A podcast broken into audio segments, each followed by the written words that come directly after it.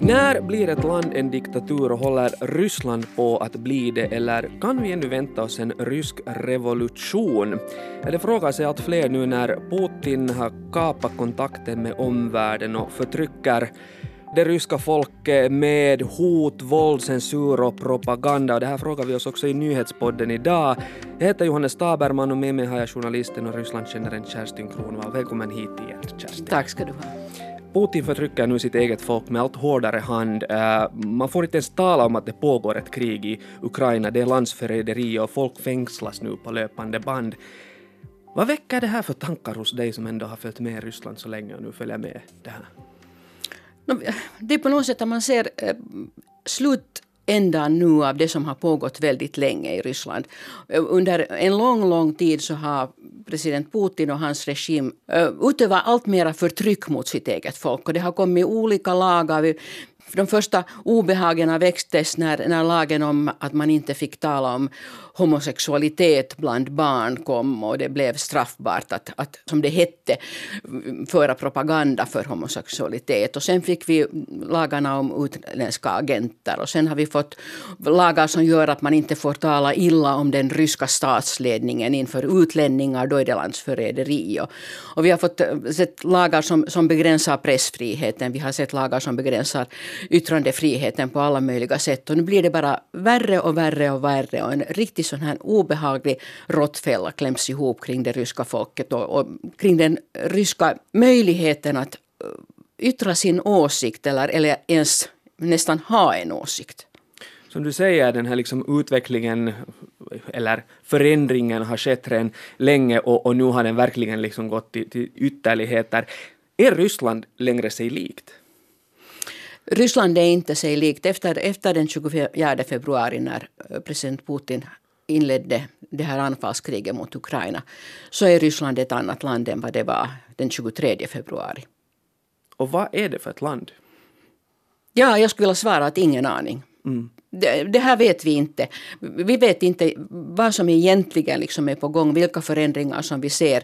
Men, men det är helt klart att efter det här så kommer Ryssland inte att kunna gå tillbaka till att vara den auktoritärt styrda stat som det var också före men med allt det här blodet på händerna så, så är statsledningen liksom en helt annan situation. Vad berättar då liksom de människor som du känner i Ryssland och har kontakt med om läget där just nu?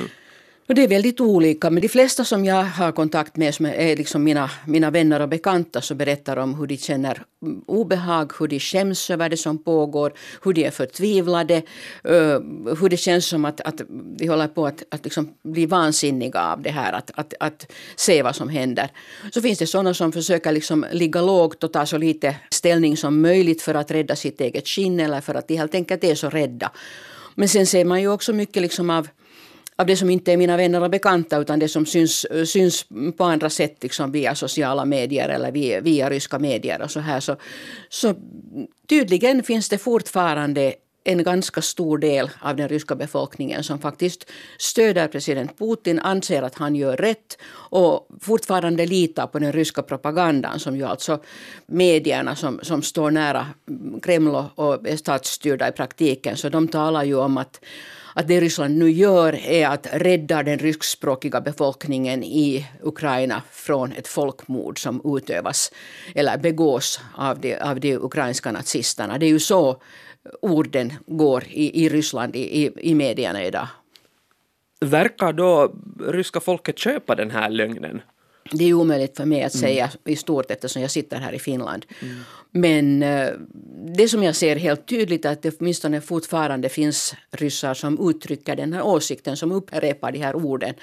Eh, som, som inte liksom aktivt tar ställning mot Putin och kriget. Men det behöver inte betyda att de stöder det. Det kan också eh, styras av rädsla, av okunnighet förstås. Och eh, det är hemskt svårt att säga vad som kan bli en vändpunkt så att ögonen öppnas så där i, i större utsträckning i Ryssland. Och, och, fortfarande vet vi inte att, att kommer, kommer det att gå en väldigt, väldigt lång tid innan det går upp för det ryska folket att det inte var Nato som höll på att anfalla Ryssland via Ukraina utan att det faktiskt var Ryssland som gick in i Ukraina med ett blodigt anfall. De senaste dagarna och som bäst sitter säkert många, bland annat jag och säkert många andra också, och på något sätt funderar att när blir ett land en diktatur? Det är ju en stor fråga.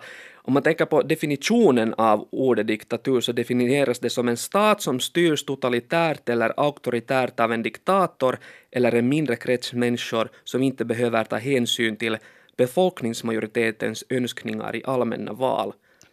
Hur bra tycker du det här stämmer in på Ryssland? Det går ju bra att, att applicera på Ryssland idag. Det, det, det, finns ju ingenting som, som är annorlunda än det där i Ryssland idag. Så borde man börja då kalla Ryssland för en diktatur? Det kan man göra. Sen vet jag inte liksom, vilken skillnad gör det om vi kallar Ryssland en diktatur eller om vi kallar Ryssland Ryssland eh, eller Putin en diktator. Jag ser det på något sätt liksom som, som retorik och lite dimslöjare av ord. Att det vi ska tala om är ju konkret vilka beslut president Putin och hans närmaste krets eh, fattar och vad de gör och, och, vad det här leder till både i Ryssland och, och utomlands. Men det kan vi väl i alla fall konstatera att eh, Putin på många sätt går allt längre nu i att ta allt mera kontroll och makt över landet och agera som en envåldshärskare på olika sätt. Och det har vi ju sett länge och det har ja. vi också talat om länge. Det här är ju ingenting som, som vi inte skulle ha talat om. Det, det, är ju liksom inte så att vi skulle ha suttit här och, och sagt att Putin är en demokratisk ledare, Putin är en demokratisk ledare, Putin är en demokratisk ledare, aj nej, han är en diktator. Det är ju inte så det har gått till, utan vi har ju faktiskt beskrivit den här, vi som har rapporterat från Ryssland, har beskrivit den här utvecklingen under en lång tid. Du har insett det här, men ändå verkar folk tycker jag sådär med, talar med mig, folk omkring mig att, att ögonen har öppnats. Det är väl kanske också så att, att det är väldigt många människor som eh, uppriktigt har varit ointresserade av Ryssland. Ryssland har nu känts ganska så där eh, avlägset trots att det är vårt grannland. Eh, Ryssland har väckt mycket, mycket mindre intresse i medier i Finland än till exempel USA under de senaste åren. Det ser vi liksom på hur mediehusen i Finland har minskat antalet korrespondenter i, i Ryssland under en lång tid. Allt intresse har legat i USA. Vi har liksom dagligen sett citat av den amerikanska presidenten presidenten har, har sagt medan Ryssland har kunnat liksom vara frånvarande i nyhetssändningar i veckor och månader här. Att, att det, det här att människor får upp ögonen nu handlar kanske mer om det att nu äh, har Ryssland inlett ett krig och det väcker så mycket känslor och vi ser liksom den fruktansvärda nöd allt det hemska som händer i Ukraina och det gör att människor vaknar upp. Putin styr över en auktoritär statsmakt han kan tydligen nästan ensam starta ett krig. Han har stiftat lagar som gör att han i praktiken kan sitta kvar vid makten livet ut och, och, och vi ser att han går hårt åt folket. Han styr medier, sociala medier, försöker kapa kontakten till omvärlden. Finns det liksom någonting demokratiskt kvar i Ryssland? Det är länge sedan det har funnits någon demokrati i Ryssland och det finns det inte. Men det är klart att det finns en folkvilja om människor börjar uttrycka den. Men eh, just med, via de här lagarna som har gjort att den här förtrycksapparaten har fått allt mera makt så har det blivit allt svårare för människor att, att uttrycka någonting. Och vi såg det ju nu i söndags när, när det ordnades demonstrationer på nästan 40 orter i Ryssland. Och eh, trots att demonstrationerna för det mesta var ganska små så arresterades eller grep polisen ett rekordantal människor. Så att just nu så som läget är just nu i Ryssland så ser vi inga demokratiska krafter ha någon påverkningsmöjlighet. Hur det kommer att vara ens om en vecka vet vi inte. Och när det gäller det här liksom med allt det som vi nu kan konstatera att, att Putin har gjort, eller som du uttrycker det, att Putin har stiftat lagar och allt det här. Så jo, det är han som har lett det här, det är helt klart. Men han har ju inte ensam gjort det. Vi ska komma ihåg att runt omkring Putin så finns det en, en administration som är väldigt, väldigt ö, omfattande. Det finns liksom en, en statsstruktur som är väldigt tydlig och, och man kan säga välorganiserad. Och det här Eh, att Putin har, har liksom blivit allt mer diktatorisk har också lett till att människor som finns i den här statsstrukturen har blivit som man brukar säga påvligare än påven själv. Det betyder att de har Eh, också gått vidare och utövat det här förtrycket mot människor fullt ut. De har, de har gjort allt för att liksom få sitta kvar i den här, den här kretsen som njuter då Putins förtroende eller som, som får liksom sin position tack vare honom. Så att han sitter ju inte ensam bakom allt det här som har hänt. Men eh, den dag han inte längre sitter där så kommer vi kanske att se någonting helt annat men det är en annan, annan sak. Du var inne på det här liksom att, att folk fängslas nu så fort de yttrar ungefär ordet krig. Vem vågar liksom längre demonstrera och protestera i, i Ryssland? Det är ju de som är allra modigast. Vi såg ju här under veckoslutet till exempel så fanns det några, några videor man kunde se där, där enskilda personer som greps av polisen, alltså medan de blev bortförda från, från någon gata mot en, mot en av polisens bilar, alltså sjöng Ukrainas nationalsång till exempel. Det finns en del människor som är alldeles otroligt modiga. Men det är klart att de inte är så många. Tusentals har fängslats här under de här senaste nu veckorna. Vad, vad händer med dem, vet man ens? Och de flesta hålls på en polisstation i några timmar, förhörs och deras uppgifter antecknas och de får eh, betala böter.